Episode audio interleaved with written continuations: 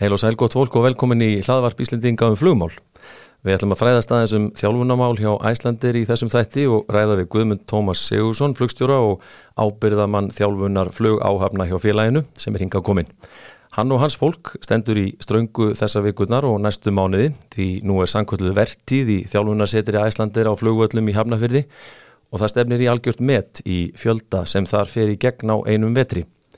Þrýr flughermar er í gangi, kjenslustofur og önnur þjálfunar aðstafa er þétt setin því félagið er að stækka, flugvelum og áfangastöðum að fjölga og það þýðir bara eitt, fleira fólk í vinnu. En hvað á ráða marga og er nóg til af mannskap í öll störfin? Við fáum svöru við þessu og fleiru hér á eftir.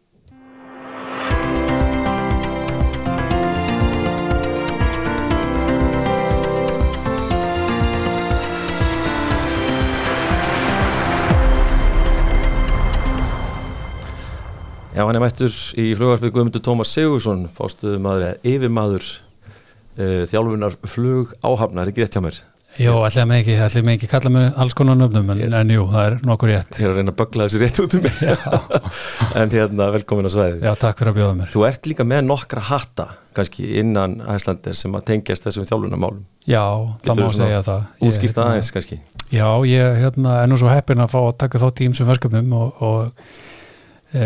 eitt af því er nú bara hreinlega að kenna okkar fólki. Ég fæ að bara núna í morgun stóði inn í skólastofu með hópa af, af flugmönnum sem er í sinni hefðbundnu endurmentun uh, ég fæ að vera inn í flugherminum líka og, og taka þátt í þeirri þjálfun. En svo er að þetta skrifstofu starf sem ég gegni. Það er hérna að, að tryggja það öll, öll þjálfun hjá okkur hvort sem er fyrir flugmenni aðrar áfnir eh, sem starfum búið í flugvilinni séu framkvæmdar samkvæmt lögum og reglum og, og, hérna, og því gildum sem að Ísland er leggur fram Þannig að það er að miklu að sinna þessa dagana. Já, ég skal trúa því. Og þegar að samgöngustofa kemur og tekur út eftir þá þarf þú að vera til svara? Já, bæðið samgöngustofa og okkar innri, innri skoðun og, og hérna og, og, og jafnvel fleiri eftir hvernig, hvernig eh, við erum með alls konar uh, útættar aðeila sem vilja koma heimsókn á til. Við erum með risastort batteri sem heitir IOSA sem við uppfyllum ákveðin gæðaskilir ykkar hvert bara öllum flugfélögum út af við uh, sem partur af því að vera flugfélagi í þetta samtökunum en jú klálega kakvart regluverkinu fyrst og fremst. Það er kannski ekki allir sem átt að segja á því að, að sko innan Æslandir uh, sé í raun rekin flugskóli eða sem heitir Approved Training Organization. Nei, akkurat, þetta kemur mörgum kannski spánst fyrir sjónir en, en við rekum bara bísna stóran skóla bara má segja á landsvísu. Þannig að það er mikið sem, að, mikið sem er í gangi hjá okkur. Og Ég kom nú aðeins inn á það hérna áðan með sko fjöldan, kannski fyrir maður betur í það á eftir en, en svona fyrst aðeins með, með sjálfmaði og þess að uh, þú ert nú svona nú ungu maður og allt það en, en hérna með ansi svona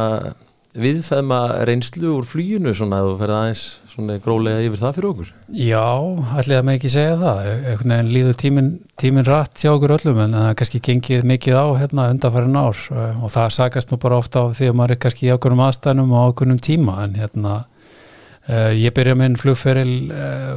2004 hjá því sem var þá hétt flugfélag Vestmanega sem var frábær skóli að fá að fljúa milli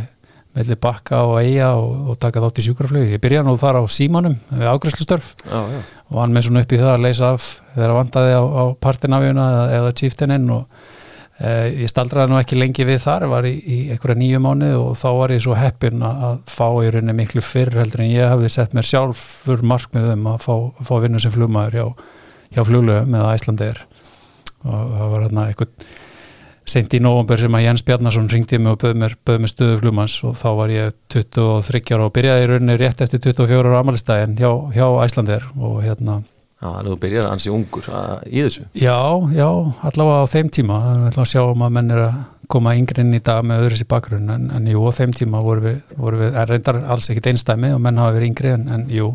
nokkuð ungur allavega já, já.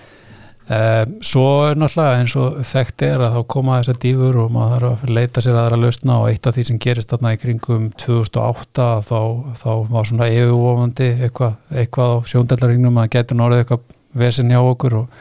þá sótt ég nú um starf sem flugmaður hjá Cargolux og fekk það starf og, og en, en vegna aðstanna bara í heiminum í öllu þessu umhverju sem þá var að þá fekk ég nú, byrjaði nú ekki fyrir 2010 en, en þegar með böðstækifærið þá hérna þá fannst mér ég verða að stökka á það að, að svona prófa að sækja reynslu annar staðar sem ég og gerði og var þar í fjögur ár sem voru frábær ár og, og frábær skóli og, og hérna kendi mér nú eiginlega samt fyrst og fremst fyrir það hvað var frábært að vera hjá þeim sem, sem flott flugfélag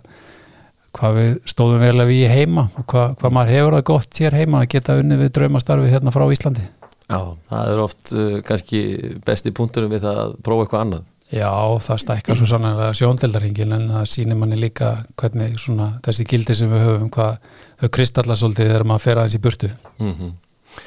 Og það er náttúrulega allt öðruvísi sko starfsemi, allt öðruvísi operation, fraktflug og langi leggir og... Já, farið á exotíska staði út um allan heim og hérna fyrir flugmannin að, að þá er þetta náttúrulega draumur að, að fá að fljúa stóru þóttunni, jumbo þóttunni mm. og, og fara á alla þessa exotísku staði sem maður hefur dreymt um og maður kannski hljópsólda að sér hotnin þar með tilliti til þess að að sjá og upplefa ímislegt sem maður er kannski róleira yfir í dag. Já, að búið tekja nokkuð bóks að búið tekja nokkuð bóks sem að auðvelda manni það að sitta á bak við skrippborð allavega megin hluta tímans þess að þessa dagana. Já, já. Ertu það þá með 747 í skiptinu? Nei, fyrir miður. Ég, hérna, ég, ekkert neginn það, það er tvíþætt, ég, hérna ekkert neginn sá fyrir mér að að ef á þessu þyrti sem að óraða náttúrulega aldrei fyrir hvað svo kom í kjölfarið við heldum náttúrulega flestir sem að upplifðum hérna efnahagsrunnið á sínum tíma að þú væri við búin að taka ágúst óra á skellin að grunaði náttúrulega engum að þetta væri bara uppbytun fyrir það sem kom að skildi svo setna mér Nei. en ég svona upplifiði það þeim, þeim tíma að, hérna, að þetta væri árið gott hjá mér í þessu heimsónaflæki þar sko en, mm. en hérna, ég ætlaði þá frekar að ef allt færi í bókstarlaði skrúna þá ætla ég nú að fara aftur bara í mínar rætur sem voru undan flugin að fara aftur á sjóin bara. Já, já, varst í því áður Já, já ég var, var hérna, fór í velskólan ungur og hérna og lærið þar, fekk velstjónaréttindi og fór á sömurinn, byrjaði 16 ára að fóra á sjó. Þannig að var stundaði það á sumurinn með samlega skólanum en ég ætlaði nú að fara áttu þángaði sem, sem plan B. Já, já, það er gott að eiga eitthvað svona atkvarf í, á ýmsum stöðum. Já, það hefur heldur betur sínt sig það hefur hjálpað mörgum undarfarið Hvað varst það að gera út? Eh, ég var mestmægnis í Vestmannum eh, föðurætti mín er öll úr Vestmannum og hérna, þannig að ég var þar. En svo var ég á tíma, þá var ég tvö ára ári byrjað að fljúa hér. Og þá var reyndar útgerð úr Vestmannum en þá var ég út frá Nýfundarlandi. Já, já, já Það gerði við út frá hérna litlum bæi við strendur Nýfjöndalands Í hérna, er það sem eh, flæmska hattin? Já, já, já. mikið rétt flæmski hatturinn og það hafi verið langi túrar? Já, það voru 24 dagar og við vorum fjórir íslendingar um borð og restin voru menn frá Östur-Európu og hérna, þetta, þetta reyndi mjög mikið á CRM skulum við segja, skila þessi þjálfur skila þessi setnaferlinum Já, akkurat Þeir í reynslubankan eins eins og allt annað Jú, jú En ferðu svona í þessu sko snemma á flugferlinum að, að svona hvað maður segja, svona neyjast í þess átt að vera sinna þjálfun og kennslu og slíku? Já, og það blundaði svolítið í mér. Ég hérna, fór náttúrulega ekki þessa hefna leið sem var farin á þessum tíma sem að ég klára að læra að fljúa þarna rétt eftir aldamótin. Að hérna, þá voru náttúrulega tímagröfur talsveit herri en, en þeir hafa verið í dag og, og jafnvel kynsluðinu undan mér sem hafa með ennþá herri tímagröfur að hérna, e, það gerða það verkum menn fóru algengasta og, og voru að skrölda á litlu vilunum og, notuðu það til þess að sapna sér flugtímum en, en svona þessi vestmannega tenging mín leiti það að verkum að ég fór aðrar brautir og fór þá aldrei í þetta flugkennaranám en það blundaði mjög mikið í mér. Ég veit svo sem ekki alveg af hverju en ég let verða af því eftir að ég kláraði að hérna, að þetta varð flugmaður hjá þá Æslandi að þá leti þann draum ræta setna mér og, og fór og, og lærði hjá hann Helga Jónsheitnum og hérna fekk þau forréttindi að fljúa með honum um landið og, og kynast hans sín og flög svo setna með, með síni hans hjá Cargolux og, og fekk svo að kenna badnabadinu hans þannig að þetta var, þetta var mjög skemmtileg tenging og hérna þannig að ég, ég letist inn í þetta að setja mér uh mhm. -huh. en mín fyrstu skref svona í þjálfund hjá, hjá Æslandi er voru þá þegar að þá er hendi e, yfirflugstjóri Þóraldur Haugur sem er þá flugræstustjóri í dag þegar hann er nýtekið við þá sínu ennbætti e, bauð mér eða bað mér um að taka mér svona afkastagitumál fyrir Æslandir sem að var stort stökk fyrir mig á þeim tíma en, en það svona leiti af sér að, því fylgdi ósjálflagt að, sjá þá um þá kennslu sem að því fylgdi líka. Þannig að þá svona var maður komin inn fyrir þær dyr og svo bara leiti eitt af öðru og það var alltaf meiri og meiri kennsla og hérna þannig að það er eitthvað svo eitthvað neinn festist maður í þessum hlutum og verður eins og húsgagnarna Já, já, akkurat. En það, það er eitthvað sem heldur, heldur í því þannig að þetta, þetta já, er skemmtilegt. Já, eins og ég segi, ég, hérna, það, er, það er mikið að gera allavega þessi dagana og, hérna, en, en ég var inn í skólastofu í morgun og mér finnst persónulega fátt skemmtilega en þetta er þessi tenging við fljómanhópin og, hérna, mm. og fá að miðla kannski einhverju þekkingu og reynslu en, en ekki síður að fá þá sama móti frá hópnum það er ómeðalegt Og förum nú aðeins þá í, í hérna, þjálfunarsetrið, þú nefndir, þú ert þar öllum stundum mættalega þessa dagana, sko bara svona lýsir aðeins fyrir fólk sem ekki þekki til, sérstaklega sko, hvað er í gangi þarna svona þessa dagana? Já, það er, það er, hérna, það er stór spurning, það er, það er, rauninni, það er nóg að taka og, og það má kannski segja að þetta sé, þetta er kannski eini skólinn á landinu, ef við horfum á þessum skóla, að hérna, það er svona mentastofnin að, að það er Solarings Operation, er, við byrjum og skólastofunar opna klukka nýja mótnana og það er kannski síðasti nefndan að lafa út klukkan tíu kvöldin. Og, eh, og þá er það tvískipt, þá er það fyrir, fyrir dags, þá er skólastofa notið í endur þjálfun eða nýþjálfun á flugmönnum og svo erum við að þjálfa eh, verðandi þá flugfreyjur og flugþjóna, svo þjálfun fyrir fram á kvöldin hjá okkur. Og eh, svo eru þessi þrýr flughermar sem komst inn á þann sem eru ég má segja að þeir séu nánast í sólarhengsnótkun það er kannski koma einhverju 2-3 tímar yfir nóttina sem að, sem að þeir fá að kvila sig en, en annars er þetta bara búið að vera svona núna frá því fyrir áramót og verður langt inn í sumarið.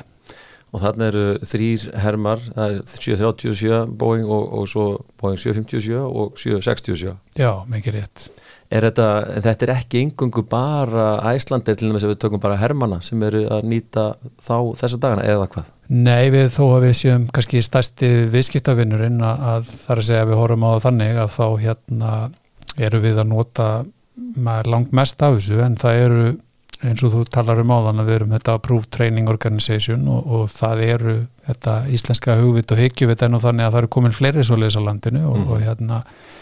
og hafa getið sér mjög gott orspúr út í hennu stóra heimi og hér eru bara ansi stór flugfélög sem hafa valið að vesta við þá aðila og kaupa þjálfun og hérna og þeir aðilar nýta sér þessa þjónustur líka og aðstöðu sem er bara frábært Akkurat, þannig að það eru komið svona má kalla bara sprota fyrirtæki í þessum þjálfunamálum sem að nýta sér aðstöðuna þarna fyrir erlenda kuna. Já, það er bara með þetta eins og margt annað sem við Íslandingar gerum vel að við, hérna, þetta spist út og, og það er engin tilviljun að fólk leggja á sig langt ferðalag til þess að koma til á litla Ísland mm. í, í öllum, öllum þeim veðrum og, og, og aðst, sérstök aðstæðum eins og getur nú verið erfitt að koma ynga því þetta er oft þjálfun sem að verður að standast ákveðin tímarama og það er mikið í húfi en, en samt sem áður þá leita menn hingað og hérna hafa komið já, mér vitandi allstaðar á heiminum, hvort mm. sem að sé frá miðausturlöndum eða Ísrael og, og víðar. Og þetta er við sem höfum nú farið á nokkuð marga staði þar sem flughermar eru, þetta er mjög góð og svona flott aðstæða. Já það, það er ekkit launungamál og þó maður segi sjálfur frá kannski ekki alveg tómbæra á það sjálfur en, en vissulega eins og segir við höfum í fortíðinni þegar við byggum ekki svo vel að vera með þess aðstöðu hérna heima þá sóttu við náttúrulega þjálfun mjög víða og við eigum menn sem hafa farið mjög víða og, og til okkar koma menn sem hafa verið mjög víða þannig að við höfum góða yfirsýni við hvað er að gerast það núti og staðrændin er bara svo að þessi aðstæða sem að við bjóðum upp á heima þó er hljómið svo klísja en hún er klálega á heims mælikvarða mm -hmm. Ertu með það svona á taktinum cirka sko, tölur bara svona til að gefa aðeins einsinn inn í fjöldan sem er að fara í gegn? Eins og nefndist að það er verið að þjálfa nýja flugfröður, það er verið að þjálfa nýja flugmenn uh, flugvirkjar þurfa að vendarlega sína endurmentun og, og, og hvaða nú er Vist, ertu með þetta svona cirka? Já, svona ef við kannski gróflega áallega þá erum við nú með ef við tölum til dæmis um, um kabingrú eða flugfreyjur og flugþjóna sem er kannski stærsti hóprunungar að fólk sem að þykkur einhvers konar þjálfun hjá okkur, sem að sé endur og símendun eða, eða nýþjálfun að það er sensat árinu 23 sennilega slæri yfir þúsund manns þar e, heldar flugmannahópurinn svona ef að öllu óbreyttu fer væntalega um og yfir 600 manns e, flugvirkjar eða, eða þeir aðilar sem að því tengjast sem að hljóta einhvers konar þjálfum þar eru kringum 400 þannig að það er þessi þjálfun sem er veitt í fyrirtækinu og þá eru við ekki að taka saman sko alla þá þjálfun sem að starfsmenn fá til dæmis sem að vinna í kringu flugvelarnar í Keflavík og, og inn á aðalskristofum og, og, og fleira en, en þetta er, þetta er orðin mjög stór hópur. En uh, það er nú ekki langt síðan að þetta hús var byggt og svona, þetta er kannski bara hérna búið að sprengja utan af sér nú þegar eða hvað? Já, allavega á þessum, þessum álaspunktum en eins og ég segi, ég held að húsið hafa nú kannski aldrei verið hannað með það í huga að við værum að, að hérna, hefðum þurft að draga svona mikið saman og svo sama tíma stækka svona óbúslega hratt, þetta eru gríðarlega mikil umsvið á stuttum tíma en, en en húsið gerur okkur allavega þó að reyni ofta á þólmörkin og þá gera okkur klift að, að gera allt hérna innan hús svona allavega langt mestu leiti svo far En ef þú fer svona aðeins yfir sko til dæmis byrjum á flugfröðum og þjónum hvað er þetta mikil þjálfun og, og hvað tekur hún langan tíma? Já, það er, þau byrja, þau sem koma inn í þessu störfi okkur hafa ekki unni hjá okkur áður, þau koma inn á svo kallega initialnámskeið sem spannar nokkra vikur, það er nú mismöndi hvernig kjensla fyrir fram, hvort að þetta sé kent í steittri hólum og þá kent á kvöldin á virkundum eða hvort að þetta sé um, um helgar eða jafnvel í einstaka tilvellum höfðu tekið dagnámskeið. En, en þetta eru nokkra vikur og, og uh, þetta gefur þá þessum góða hóp svona ákveðin grunnréttindi sem, a, sem að er það sem þau þurfa að hafa til þess að meiga starfum borðið flugulum hjá okkur og öðrum flugreikandum eh, svo komið á svo kallar conversion námskeið þar sem að í rauninni eru að læra allt sem snýra að Æsland er specifíkli þar er sér okkar flugulum og okkar búnaði og svo fleira og, og það spannar nokkra vikur í viðbútt þannig að, að það er alveg, alveg þó nokkuð ferli að búa til eitt stykki fluglega Já. Uh, flugvirkjarnir, dögum þann hóp uh, eru þeir í koma þeir inn uh, eftir sitt nám og, og taka eitthvað svona conversion kurs og, og hvaða nú er það? Já, þeir þá koma með ákveðin réttindi og, og svo þurfa það að bæta þá vissi þá þeir eru flugvila tegund svona ekki með ósvipum hætti og flugmennir við þurfum að vera með ákveðin réttindi á þeirri flugvil sem við erum að vinna þannig að það er en, en það er Eh, kemur ekki mikið inn á, á mitt bor sem slíkt og að við reyndar deilum aðstöðu og vinnum mikið saman þessar deildir, að við leitum mikið til flugvirkja og þeir til okkar að því að samlegar áhrifin eru klálega mjög mikil en það er, það er frábær hópur manna sem annast sérstaklega þá, þá þjálfun allar saman. Þegar hún kannski meira fram í keflavíka? Já, þau nýta sér þjálfunarsetri mjög mikið fyrir eins og búklega þjálfun en auðvitað er, er mm. eðlumálsins hangat mikið að þessari þjálfun þarf að fara fram í nála við flugvelarnar og, og þá flugskilið. Mm -hmm en svo sko lýsa, þetta, þetta er stór hópur og eins og með svo er flugmannahópurinn N1 uh, eh, og það er kannski í stórum hópi sko alls konar bakgrunnur núna fólk kannski ekki búið að vera í vinnu í ekki langan tíma uh, eða búið að vera að gera eitthvað annað hvernig hérna, þarf þetta taka tæklast nánast á einstaklingsbasi og meta hvað, hver þarf mikið og slíkt? Já, það er, það er þannig að við höfum allavega núna, þetta eru áskoranir sem að blasa við okkur, það er ekki spurning að, þjálfa upp einstakling sem að uh, mögulega var með til að takmarka reynslu þegar hann var ráðan til starfa á sínum tíma þegar að, að það var ákveðin uppgangur í gangi og fyrirtæki sá fyrir sér að stækka meira og svo, svo kemur þá COVID og, og náttúrulega við þekkjum grándingin á, á 77 max velunum sem að settu stort babi bátun fyrir fyrirtækið. E, þetta fólk er alltaf að koma aftur inn núna og það er gríðarlega áskorun að koma öllum upp á sama plattform skulum við segja því þekkingu og hérna færni og við höfum heitið okkur því og það er eitt af gildum sem við deilum í þjálfunadeildinu og annar starf í fyrirtækinu að, að við viljum búa til eins góðan og örugan flugmann eða flugleila eða hvert sem að starfar í kringum okkar fyrirtæki og flug, flugvélar eins og hægt er þannig að við förum umtalsveit lengra heldur en það sem að reglugerði segja til um en, en við höfum góða ástæði til Og er þetta hvað er þetta svona að þú tekur kannski svona minnsta og mesta? Já, minnsta er kannski telur alltaf í einhverjum vikum að, að við erum að, að viðkomandi kemur aftur inn til okkar í, í bóklega þjálfun þar sem við förum í gegnum fyrsta lagi flugvélina eða tegunduna sem að viðkomandi er ákvort sem að það er eh, endurkynni á 737 eða, eða á 757 eh, þannig að það eru þá einhverju dagar sem að, fara í það og, og hérna svo er það þá endur þjálfun í flughermi sem að menn fara nú aldrei inn í minna heldur en fjör, fjóra klukkustundur í senn en þó ekki meira en einu sinn á dag þannig að það eru þá nokkur skipti sem að menn koma þar inn. Og það getur verið talið á fingrum annar handar. Og svo þurfa menn alltaf að fara í færni próf eftir það og sína að þeir standist þær lámaskröfu sem eru settar um, um hérna varandi handling og örgi og skilning á vélinni sjálfur og svo náttúrulega annar faktor í þessu það þarf vantanlega að búa til núna í þessari vertíð fleiri kennara til þess að anna því sem að harfa anna. Já,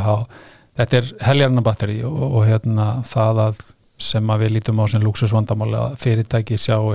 sjá tækifæri til vakstar og, og sækin á nýja staði með fleiri flugvilum og, og haldi að byrja lengur í, í vélar sem við heldum að væri á útleið að það náttúrulega kallar á flera fólk til vinnu og, og það þarf fleira fólk til að steyðja við þetta fólk sem er að koma til vinnu. Þannig að þetta eru svona þessi stóru samlegar áhrif alls saman, þannig að þetta er stór dómin og það er, það er mikið í húfi við að gera þetta vel og, og vanda vel til verka þannig að við, við leggjum mikið upp á því þannig að við reynum að manna með fleiri kennurum og, og sérfræðingum mm -hmm. eh, Við nefndum þess að þrjá flugherma sem eru hér í gangi og eins og þú sagði bara nánast allan sólarhingin Dugar það eins og núna fyrir næsta sumar? Nei, það dögur ekki fyrir næsta sumar. Eh, það koma, koma ákveðni mánuður þar sem við gætum verið með uh, tvo flugherma af, af hverju tegund í húsi hjá okkur uh, og þá sérstaklega fyrir 737 MAX eða 737 velarnar okkar og við höfum brúðið á það ráða að leita til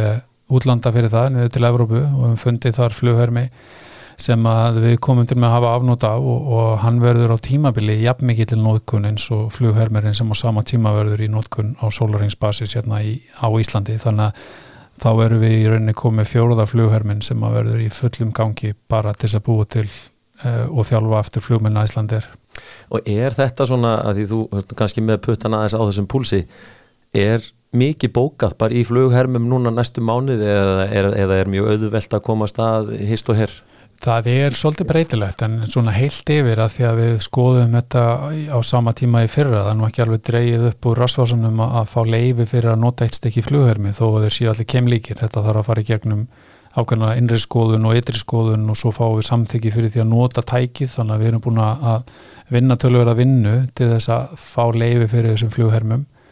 en ég skinnja það án þess að ég hafi svona mikil vísinda baku mig en við höfum verið í sambandi við nokkra aðeins í heimi og verið að þreyfa fyrir okkur. Og það verðist þeim að það sé orðið mikið bókað þannig að það eru, það eru fleiri heldur en við sem að ætla sér eitthvað vöxt. Já. Eh, Við sáum í fyrsta sinn núna fyrir ekki svo lungu síðan þá var verið að auglýsa eftir nýjum flugmönum til að koma til starfa í innanlandsfluginu á Dassin og eh, var mikil eftirspurn í því Já, það voru uh, það voru tölvert margar umsóknir sem að koma inn, uh, fleiri heldur en uh, við þorðum í raunin að vona og nú er þetta náttúrulega reygin sem tvö aðskild ATO þar að segja að við tölum um international og domestic þó að samlegar áhrifin og samstarfið sér gríðarlega mikið hér á milli. En það voru yfir 180 góðar umsóknir sem bárust og það ráðningaferli er svona langt komið en, en svona um það byrja að ljúka og það er hlutværslega mikil stækkun þar á bæ líka. Við munum eftir því að það var nú hérna fyrir nokkur mánu síðan það var búin til svona kadett hópur eh, svona þeir sem að væru settið af stað í, í námi og slíkt og til þess að verða tilbúinir síðan mér Já Er, er allur þessi hópur bara að vera komin inn fyrir voru til dæmis? Já, það er uh, þessi sviðismyndi hefur náttúrulega tekið miklum breytingum núna bara á síðustu mánuðum. En, en jú, nú er það þannig að við metum sem svo að það sé þörf á, á öllum þessum hóp sem að er þá tilbúin til að koma inn aftur. Og hérna við höfum mikla trú á þessu kattet prógrami og hérna vonumst þess að, að það gefi góða reynslu, það er allavega gert að hinga til og uh, þá náttúrulega full reynist er að þessi hópur fer svo á sín lokast í gegnum okkar þjálfun og áfram um borðið okkar flugvilar en, en þetta er það sem að flugfélag hafi verið að gera lengi vel út um við um heim og, og við fórum í núna fyrir, fyrir náttúrulega COVID og, og fyrir max áhrifin. Og uh, við sjáum fram á að halda því áfram. Það er bara svona að reyna að tryggja sér mannskap. Já, við höfum ákveðna ágjör af því sérstaklega hér á Íslandi að við erum náttúrulega þó við séum fjöldþjóðlegt flugfélag og, og höfum tekið inn til okkar Eh, flugmenn ansi víða að, að eh, þá eh, horfum við náttúrulega til þeirra Íslandingar sem eru að læra eða til fólk sem að læra hérna heima á Íslandi og hérna vil vinna hjá, hjá þessu flugfélagi að hérna við höfum ákveðar áökjur á því að þetta sé kannski aðeins að breytast. Við séum mögulega ekki að fá þann mannskap sem við mögulega þurfum allavega svona í nærtíma hvað sem að framtíðin byrja skautið sér er með að sjá að það sé svona minni aðsókn í flugskólana núna? Það er, við erum náttúrulega höfum unnið meðvitað með bæði með flugskólanum og svo höfum við verið í svona hvað ég var að segja, svona ákveðni ímyndanum vinnu að selja þetta starf út af við og höfum verið með presens, hvort sem að séu opni dagar í háskólanum eða, eða öðru mentastofnunum á landinu og, og hérna reyna planta þessum fræjum til framtíðar og við tökum virkan þátt í því og höldum áfram eh, en svona það sem við skinnjum er það jú og það og eðli málsins samkvæmt kannski þegar svona stóra áföll af að komið yfir flugheiminn og, og það sem að þessar einstaklingar sjá er ekkit annað en neikvæða fréttir að, en svo byrtir jafnraða til og, og, hérna, og jafnvel komið þetta þessi sprengja, uppsafnað sprengja miklu fyrir heldur að menna eiga vona á mm -hmm. og þá lendum við mögulega í kannski einhverju vandræði með það að finna, finna nægilega stóran hóp til að koma að vinna fyrir okkur Þetta er þessi gamla saga með þennan brannsokkar upp og niður. Já, og öruglega ekki að síðast sem við síða því. Nei, nei. En eins og bara ef þú tekur svona e, þjálfunar færibandið hjá, sem að þú ert að horfa á er það bara í fullinni nýtingu núna fram á vorið? Já, það má kannski með, með ákveðnum hætti segja sem svo að, að leiðakerfið okkar fyrir komandi sumar sé kannski að einhverju leiti háð núna bæði náttúrulega fjöldaflugvila sem við höfum og, og svo þessu training capacity sem að þessi, þessi skóli getur, getur lift í gegn. Ertu, veistu um svona stöðuna annar staðar í kringum okkur, svona heyruru frá kollegum, öðrum flugfélögum, er, er þetta áhyggju efni, þar að segja bara mönnun? Þetta er náttúrulega kannski gömul saga á nýja, það er nú lengi vel eins og þú þekkir, það hefur alltaf verið talað um þennan EU-óðundi flugmannaskort sem að, að hérna átti að vera komin til fyrir löngu síðan og hérna og ég held reyndar að það sé nú að raungerast að einhverju leiti, það er kannski ekki þetta alhæfa sem svo að það séu engir flugmenn til af því að við vitum það að fólk er að skrá sig í nám en það er kannski þessi, þessi vöndun á fólki með tiltekna reynslu uh, vöndun fyrir flugfélög sem vilja kannski fjölga flugstjórum sem er bundið við lámasreynslu og, og flugmenn eru ekki kannski komnið þanga í reynslunni sinni ennþá þannig að ég held að það sé svona ákveðin teknolófti með það já, og þetta getur orðið vandamál til framtíðar það, það veldur svolítið á því hvað eru við búin að missa út stóra kynslu úr flugskólunum mm -hmm. og eins og nefndir á þann að, að svona selja þetta sem, sem vænlegt starf og þegar fólk horfið tilbaka og á það sem undan er gengið það er þá er sagan ekkit frábær sko Nei, það er eins og þú segir, þetta er vertiða starf mm. og, og sérstaklega fyrir félaga eins og okkar sem hefur verið bundið við kannski þessa auðlind sem að Ísland er og, og hvað fólk hefur hingað til geta sótt til okkar þó að breytist, það hafi breyst gríðarlega mikið undanfari nár og við erum alltaf orðinni heilsás áfangastæður en eðlimálsins samkvæmt þá er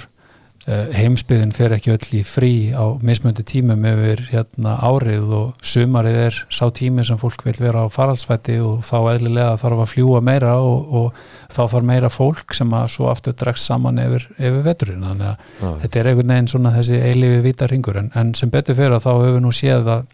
þessar sveplur hjá okkur eru ekki einn stórar og þær hafa verið hinga til og vonandi vonandi breytist þetta til, til lengri tíma þannig að þetta, þetta langtíma starfsöryggi verði kannski meira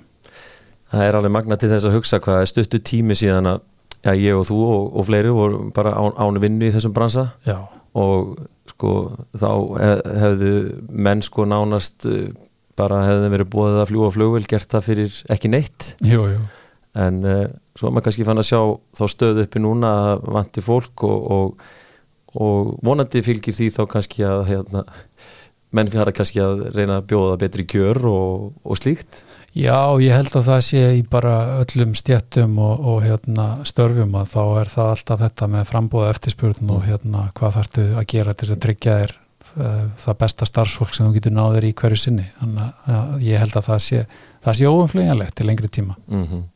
Það verður áhugavert að sjá líka svona hvernig það muni þróast fyrir kannski eins og lágjaldafélög sem að einblýna mjög á að halda öllum kostnæði niðri og slíkt hvernig, hvernig svo samgefni verður? Já, það er hérna, það er þetta sustainability, hversu hérna, ég held að það sé kannski auðveldar að, að starta ykkur upp og, og gera þetta í skemmri tíma en svo spurning hvernig, hvernig þroskast og þróast svona, svona fyrirtæki til lengri tíma, hvað sem mm. þau eru í heiminum.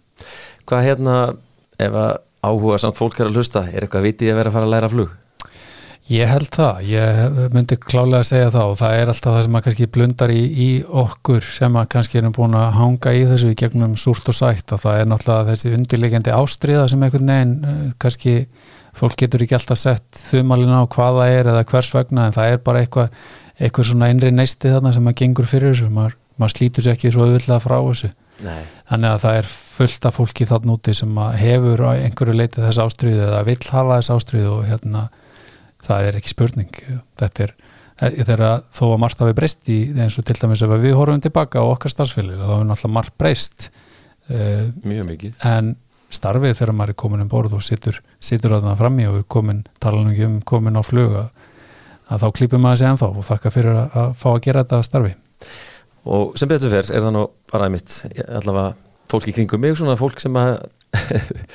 er meira segja verið sagt að hætta því að tala um núna 65 ekstar að, að hérna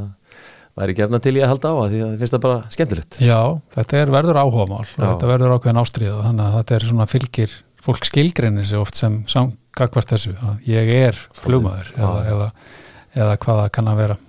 En svo er líka áhugavelt að ég er kannski komin hérna út á svolítið út fyrir sko akkurat þitt svið en, en, en alltilega spjalla þess um það. Það er svona þessi mentamál flugsins sérstaklega hér á Íslandi. Ég hef allavega heyrt á gaggrinni við það kringum mig og, og veit að menn hafa verið að skoða alls konar mál. En að það vanti svona eh, kannski betri og veglegri sess flugfræða í mentakerfunu eða svo má segja að til dæmis þegar kemur, kemur uh, fram að byggja ofan á einhverja slíka mentun eins og maður þekkir til dæmis frá Nóri og Svíþjóð sem ég veit um allavega að það getur farið inn í mentastofnun uh, á háskólastíi eða hvar, hvar svo sem að það væri útskrifast með einhverja gráðu uh, svo bætt þá við þig til þess að fá BS eða hvað það nú heitir. Ég bara gæti eða ekki verið meira sammála. Hérna, það er, það er mikil köllin eftir þessu innan úr okkar geira og hérna þetta er líka ekki bara fyrir kannski okkur sem að störfum um borðið í flugvélunum og viljum bæta við okkur meiri og dýbri þekkingu og okkar nærumkverfi heldur líka við horfum bara til hvað flugurekstur á Íslandi skipar stóran sess í okkar bara reynlega atvinnustarfi. Að það sé það er svo mikil sérfræði þekking sem að býra því að, að reyka flugfélag hvort sem að það sé að ákveða flugflota til framtíðar eða, eða taka ákvarðanir um, um stóra eða smáa hluti. Að, að þessi sérfræði þekking kemur ofta tíðum að utan hjá okkur. Mm og við höfum sem, sem lítið eiland höfum gríðarlega þekkingu hérna, sem að við höfum sapnað okkur hérna í gegnum árin. Og það er, það er ákveðin sóun að við gerum þess ekki herrundur höfðu í okkar mentakerfi að að, að flug sé bara í rauninni bara menta grein sem slík. Og partur af því sem er að vera benda á í þessu er einmitt sko hvað er þessu svona dreift svolítið í stjórnkjörnu það er, er mentamálaráðanetti, það er innviðaráðanetti þar sem að flugmálin eru svo mikið e, undir þar sko. En þetta sé ekki svona á einum já, einni já. hendi hvort sem það er einhver rótvandans eða ekki en... Já, já, það er örgla þetta er eins og með allt annað. Það er, hérna, það er þetta leysa öll vandamál. Það er bara viljan til að setjast niður og svona greina þetta og, hérna, og, og, og halda svo áfram út frá því. Já, nákvæmlega. E, örgla þetta að gera heilu þættinu um þetta mál sko, ég er kannski að fá líka einhverja emitt sem hafa meira að vita á þessum málum en ég og þú um það var í gaman að heyra, heyra álit þeirra sem meira að vita. Já, en, en þetta, er, þetta er eitthvað svona sem að sem að skipti máli og ég mánu eftir að hlustað á gamla upptöku þar sem að sko flugmála ráþeirann skástrík fórstættisráþurann var kynntur til sögunar með ávarp. Já, akkurat. En, uh, og Já og þetta er svona í okkar kúltúr það er nú ekki, hérna, það er nú ekki lengra síðan en þegar fyrsta þóta Íslendinga kom þegar hérna og lenda á Reykjavík hlugli að það var bara að gefa frí í skólum og vinnum og, og fólk satt og tók á móti Já. tók á móti nýju, nýju, nýja flagskipi flotans. Akkurat. En hérna svona með sjálf að þig í heimsfaraldrinum þú fóst ekkit varluta af því eins og, eins og aðrir Hvað, hvernig hérna,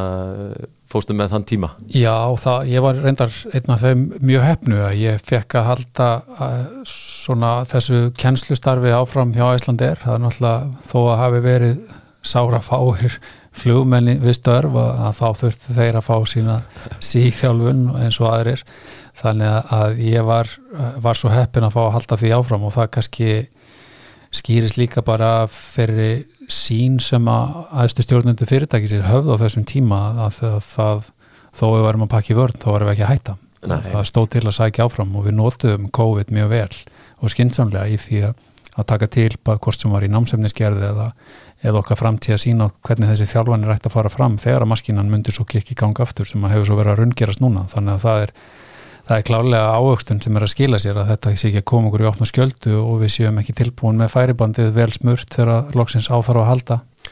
Þannig að þú, þú missir ekkit svona tengslinn við þetta á þessum tíma í rauninni. Nei, eins og áður segir, ég var mjög þakkláttur fyrir það að, að fá að halda þessu áfram þó ég fengi ekki að fara um borðið flugurana lengur en, en ég er svona einhvern veginn eh, bara, já, hausinn helst en þá svolítið tengdur þessum málefnum öllum saman og mann áði að, að hérna, bæta vissi bara þekkingu þá á öðrum sviðum heldur en, heldur en að bæta í reynslu um borðið flugurlinni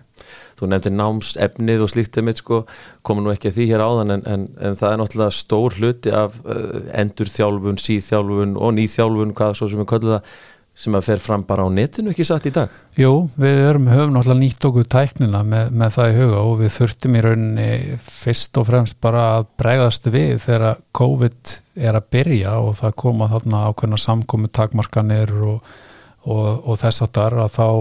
í rauninni var skólanum í sjálf og sér sjálf lokað, það mátti ekki koma við gáttum ekki tekið þennan nefndahóp saman en einhvern veginn þurftu að, að halda áfram þannig að við byrjum og, og fikurum okkur áfram í því að, að hreinlega vera með live kennslu gegnum Teams. Menn sáttu heima með kveikt á kamerunni og, og fylgist með mér í kennslu. E, svo fikurum okkur nú í það að fara að búa bara hreinlega til þetta rafræna efni sem er þá bara upptekið efni. En, en það er kannski að skemmtilega við þetta er að allt þetta efni sem við notum í dag fyrir flugmenn og, og, og aðra stjettir, þetta er allt saman eh, búið til innan hús mm. af okkar eigin sérfræðingum uh, og það er það sem við notum til þess að meila þannig að við erum ekki að kaupa eins og gengur og gerist ofti á öðrum flugfélögum, jápil starri að þeir kaupa í rauninni bara tilbúin þjálfuna pakka sem að, að þeirra kunnar fara svo í gegnum og hlusta á mm -hmm. uh, þetta er allt saman æslandeir efni sem við notum og, og svona þessu tengt að það var uh, fyrir stuttu síðan sem að Æslandir var að skrifa undir samningum kaupa á búnaði til að þjálfa fólk með hjálp síndarveruleika Jú, mikið rétt, við vorum í rauninni eitt af fyrstu flugfélagunum sem að í Evrópu sem að samti þá við allavega þennan tiltakna aðila. Þetta er nú búið að vera í eitthvað tíma í gangi þessi virtual reality og menn hafa séð alls konar tækifar í þessu en, en það er svona núna fyrst sem við sjáum að tæknin og svona tilgangurinn er svolítið að skila sér. Það er búið svona niður njörfa hvar tækifærin liggja í þjálfun. En, en jú ég gerði þarna fór fyrir hönd Æslandir og gerði samning núna fyrir mjög stötu síðan og við erum óbúslega spennt fyrir þessu sem framtíðar þjálfun að tæki þó þetta ekki hugsa til þess að skipta út þjálfun en, en þetta er svo sannarlega frábær viðbót við það sem við verum að gera í dag og hvernig sko, getur svona komið með eitthvað dæmi um svona hvernig þetta nýtist? Í svona nærtíma þá erum við að horfa á þetta í flugmannafjálfun okkar fyrir flugmenn sem eru í tegundarfjálfun og nýri fluguleg tegund þannig að við tökum til dæmis einstakling sem við ráðum til vinnu og hann er að fara í gegnum þjálfun á 737 að áður en að viðkomandi hefur nokkuð tíma stíðum borðið flugvilina að jafnvel þá flughermin að þá getur hann sett á sig þessi gleru undir eða án leðsögn kennara og þar er hann hreinlega bara mættur um borði stjórnklefan. Og þar getur hann snúið tökum og þar getur við byrjað að kynna þessa verkverðla sem við notum í okkar starfi alla daga og æfa þessa verkverðla þannig að í rauninni nýtist þessi tími sem við höfum í þessu stórkostlega verkverði sem er þessi flughermir að hann nýtist í það sem hann er ætlaði til að, að expósa þá flugmenn fyrir það að því að fljúa fljóðilinu við allar aðstæður en ekki, ekki sitta kannski á jörðinni í, í takkavinnu sem að má vinna annar staðar. Já, þetta getur komið svona stert þannig inn og að minga álæði kannski á flughermin og slíkt já, og nýta og þann tíma betur. Já, svo sannlega, já. það er svona helsta tækifæri sem við sjáum og við sjáum þetta líka sem gríðarlega mikið tækifæri í endur komi flugmanna hvort sem að það sé að fólk sé að koma úr fæðingarorlofi eða veikindaorlofi eða, eða jafnvel bara koma aftur til starfa eftir, eftir tímabundir lið að við sjáum það svona heilt yfir að það er það að fólk gleymir ekki þekkingu sinni að fljúa flugvilni að hérna það reyðgar í því eins og bara einstaklingur sem næri ekki að mæti rættina í lengri tíma en svo er það fljótt að koma en það sem að fólk á það til að, að svona reyðgast helst í að það eru þessi verkferðlar hvaða, hvað á ég að gera og í hvaða röð gerir þetta og, og það framöttir og, og þar sjáum við gríðarlega tækifar að geta styrt þessa einstaklinga mikið mm. áður en þið komið borðið flugvilna en ég hef fulla trú á því að virtual reality sé bara rétt að byrja og við höfum eftir að, að nota þetta mjög víða í fyrirtækinu og annur fjarlug, við höfum eftir að í rauninni er bara eins og, og maður slettið, það skæðist að limit þegar kemur að því hverjir geta nýtt sér þetta og, og við getum séð fyrir okkur einstakling sem að vinnur við það að færa uh, ranan átt að, í átt að flugvilinni eða keirir stiga eða törskubílinni eða hver svo sem hefur einhver aðkoma að flugvilinni að þar myndi virtual reality koma mjög stertinn Akkurat Æslandir er að fara að plana að taka stóra ákvörðun á, á næstunum framtíða flota félagsins eins og margsinni sem við nú komið fram og það gerist á næstu vikum mættalega eru þjálfunarmálin þau hljóta vega svolítið í, í þeirri jöfnu, er það ekki? Jú, vissulega. Það hérna, er partur af þessari heildarsýn sem að menn eru með fyrir framansið, þeir eru skoða og kortleggja hvað, hérna, hvaða svo sem ákvörðum verður tekin en, inn í því eru náttúrulega þessi stóru mál sem snúa því að, að færa mannskap yfir af einni flugvel yfir á aðra eða, eða með hvaða hætti það er gert þannig að, að þjálfanamál skipa mjög stóran sest þar Þannig að þú ert, eh, er, ert þú svona að koma eitthvað að þessari vinnu svona innan hús hjá þeim? Eða? Það er svona kannski aðri sem að sjá um það núna. Ég svona gerði það með minn gamla hatt þegar að afkasta getur flugvila þá kom ég svona aðeins inn á það hvað hva hver flugvila tegund gæti en, en það kemur maður í mann stað en jú vissulega þegar kemur að þessum þjálfunamálum og sérstaklega þegar fram í sækir að þá, þá eðlulega hefur þjálfunadeildin einhver aðkomu á því mm -hmm. en, en ákvörunatakan og Já. á hæra leveli skulle ég segja Akkurat, þú þykist þetta það en hérna þú nefndir á þann að þú hefði verið í, í, í kennslustofunni í morgun, hvernig er nú svona típiskur vinnudagur? Já þessa dagana, það er kannski, maður á ekki að segja frá því. Ég nú reyndar flín og lítið sem ekki neitt núna þannig að ég hérna, hef bara meðvitað ákveð að hérna, stíga svolítið til hliðar þar til mm. þess að mitt að geta passað upp á samt þessu frábæra teimi sem vinnur í þjálfundeildinni að við séum ekki að missa neina bolta. Það er náttúrulega mikið í gangi og, og hérna margt sem gerast á tildalega stuttum tíma og það er mjög mikið í húfi og hérna aftur okkar sína svo að við gerum þetta eins vel og við mögulega getum. Með það er leiðaljósi að búa til eins örgan og góðan fljóman og við mögulega getum. Og uh, það gera það verkum að ég hef minni tíma til þess að fá að fara að fljúa en, en það kemur með hækandi sól mm -hmm. við mhm. klárum, leifum færibandurinn að klára róli gegn en, en dagurinn er langur hann byrja að snemma á mótnana og hún er líkur í rauninni bara til dala sent á kvöldin það er, það er mikið í gangi og margt sem þarf að skipulegja ákveða en, en ég er sem betur fyrir ekki einn í því Nei, þú svona þegar þú ert á svæðinu þá ætti að vera til taks svona nánast, nánast all, allan tíman Já, það er alls konar sem kemur upp. Það getur komið upp, hérna það eru forföll í flughermum eða námskeiðum eða breytingar sem að koma bara reynlega inn frá mannesmentið þar sem að það er tekin ákvörun og það þarf alltaf að breyðast við og hérna þannig að það eru margi boltar á lofti og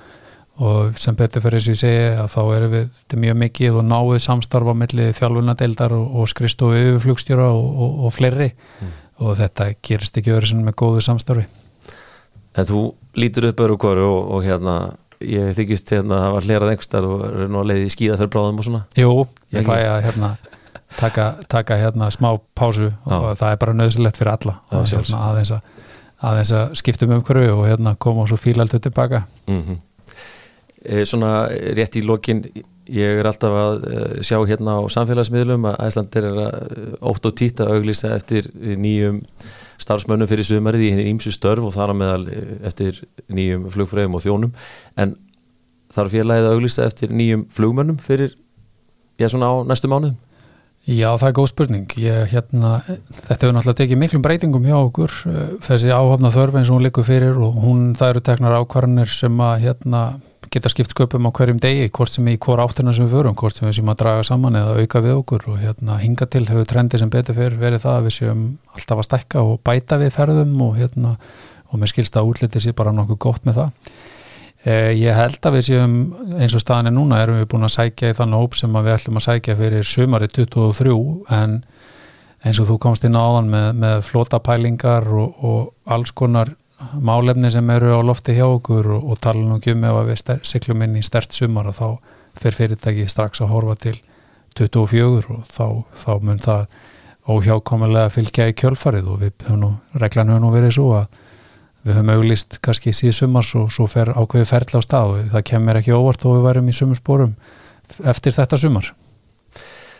Gott að heyra, ég held við séum búin að svona tæma þetta ágætla í, í byli Guðmundur Tómas, takk hjá fyrir spjallið og, og segja aðeins frá þjálfunarmálum innan Æslandir. Takk sem við leiðis, takk fyrir að bjóða mér.